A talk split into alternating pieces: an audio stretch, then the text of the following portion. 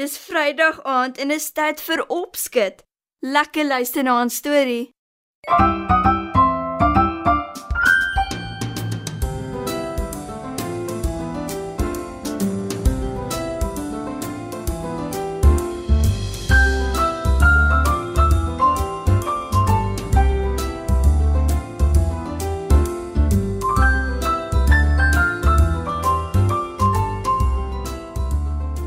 Goeienaand maats. As jy nie 'n mamma en 'n pappa het nie, is jy 'n weesie, nie waar nie? Soms kan weesies by oumas en oupas of ooms en tannies gaan bly, maar partykeer is hulle op hulle self aangewese. En dis waaroor vanaand se storie, Hester die dapper weesie gaan. Op 'n pragtige groot wildsplaas in Limpopo provinsie woon daar 'n trop hyenas. Hulle is 'n vrolike klompie en hulle gesels baie onder mekaar. Die trop bestaan uit 4 susters en hulle kleintjies. Elkeen van die susters het een kleintjie en daar is ook een mannetjie. Hyena se troppe werk heeltemal anders as leeusin. In leeutroppe is daar 'n mannetjie, hy word die alfa mannetjie genoem en hy is die leier van die trop. Daar kan ander mannetjies ook wees, maar dan moet hulle die leier gehoorsaam. Daar is ook heelwat wyfies en hulle weet almal wie is baas. Maar dit werk nie so met die hyenas nie. In die hyena troppe is die wyfies baas. Hulle werk almal saam en ondersteun mekaar. Hulle pas selfs mekaar se kleintjies op as van hulle gaan jag. Die een mannetjie in die trop is ondergeskik aan die wyfies. Hester, een van die hyena kleintjies, is baie lief vir haar ma, Hanna.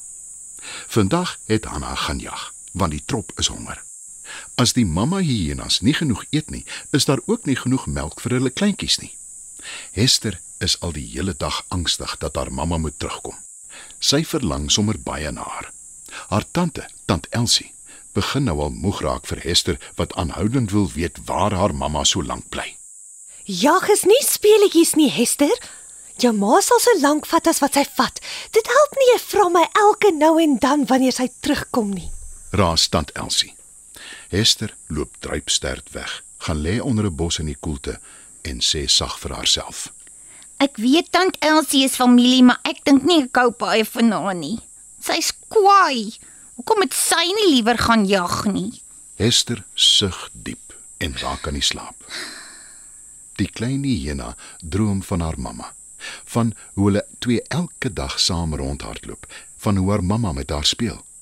Maar toe, skielik, skrik die klein hyena wakker. Sy hoor 'n vreeslike lawaai. Sy spring op om te gaan kyk wat aangaan. Maar tant Elsie keer haar. Wat is dit? Wat gaan aan? Vra Hester benoud. Tant Elsie kyk simpatiek na haar en sê: Ek het slegte nuus, kind. Jou mamma, Maar voordat sy haar sin kan klaarmaak, hardloop Hester verby haar tante na waar die ander hyenas saamgedrom staan. Sy snak na haar asem toe sy haar mamma op die grond sien lê met bloed oor haar hele lyf. Ja, mamma. Wat het gebeur? Snik Hester. Sy gaan tot by haar mamma. Hester kan sien haar mamma is baie swak. Toe sê haar mamma sag: ek het baie seer gekry, Hester. 'n Buffel het my beet gekry. Ek is jammer dat ek jou so in die steek laat. Jy moet mooi kyk na jouself. Ek weet jy kan.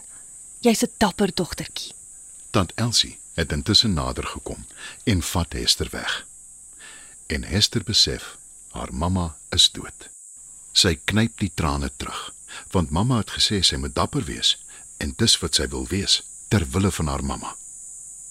In die dae en weke daarna kry Hester baie swaar. Sy het nie meer melk om te drink nie en moet self sorg vir kos. Klein hyenas drink vir 'n jaar lank hulle mamma se melk en begin op 5 maande vleis eet. Gewoonlik sagte stukkies wat hulle mammas eers vir hulle fyn kou. Maar Esther het nie meer 'n mamma nie. Nie een van haar tantes help haar nie. Hulle is te besig met hulle eie kleintjies. Esther is die hele tyd baie honger. Sy hoop tant Elsie sal vir haar kos gee. Maar toe dit nie gebeur nie, besef sy sy moet vir haarself sorg. Nes mamma gesê het. Wanneer haar tantes jag en vleis huis toe bring, kan sy nie sommer inspring en 'n stuk gryp nie. Behalwe dat haar tande nog nie sterk genoeg is nie, sal sy in groot moeilikheid kom. Hester se maag grom gedurig van die honger. Dis toe dat sy besluit om iets daaraan te doen. Toe Hester sien hoe tant Elsie regmaak om te gaan jag, besluit sy om haar te volg en sy voeg die daad by die woord. Tant Elsie kom dit eers nie agter nie, maar na 'n hele ruk word sy bewus van klein Hester.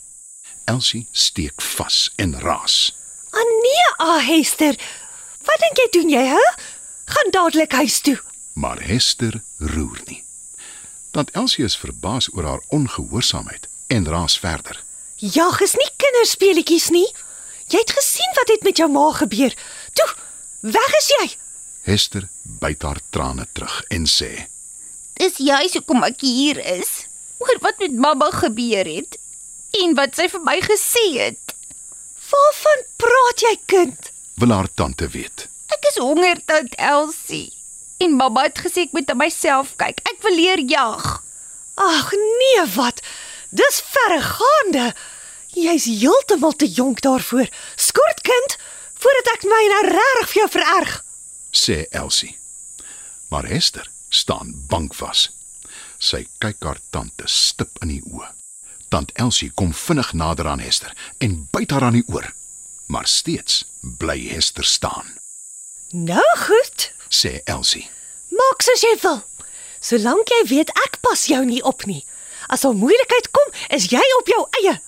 Ek is in elk geval op my eie. sê Hester toe Elsie begin wegdraf. Na 'n ruk gaan Elsie staan en beduie vir Hester sy moet choep stil wees. Hester hou haar tante fyn dop. Sy sien hoe tant Elsie 'n bok bekruip en vang. Toe begin Elsie die bok terugsleep huis toe. Hester wik en weeg. Sy kyk rond. Nie te ver weg nie, sien sy 'n haas tussen die gras. Sy doen presies wat haar tante gedoen het. En binnekort het sy haar eerste kos gevang. Tant Elsie en Hester draf huis toe met hulle vangste. Daar aangekom, is almal verbaas dat Hester so waar 'n haas gevang het, Julle kan almal vandag 'n les leer by die klein hyena. sê Elsie. Sy het my sonder my medewete gevolg en toe ek haar probeer terugstuur het sy geweier.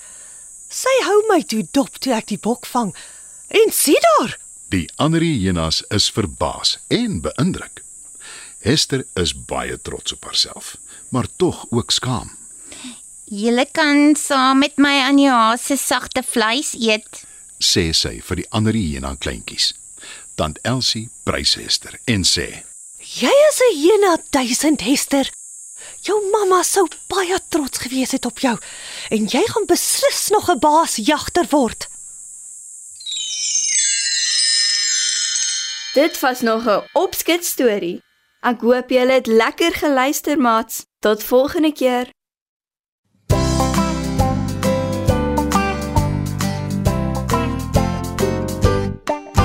Op 'n groen groen dag in die bos was al die groenes op soek na kos. Maar o nee, 'n groot gemors. Almal soek gelyk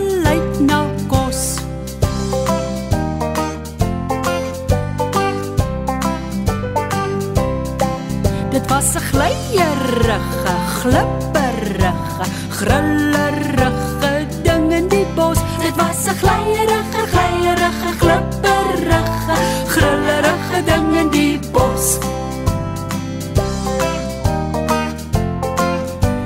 Groenerige slang wou vir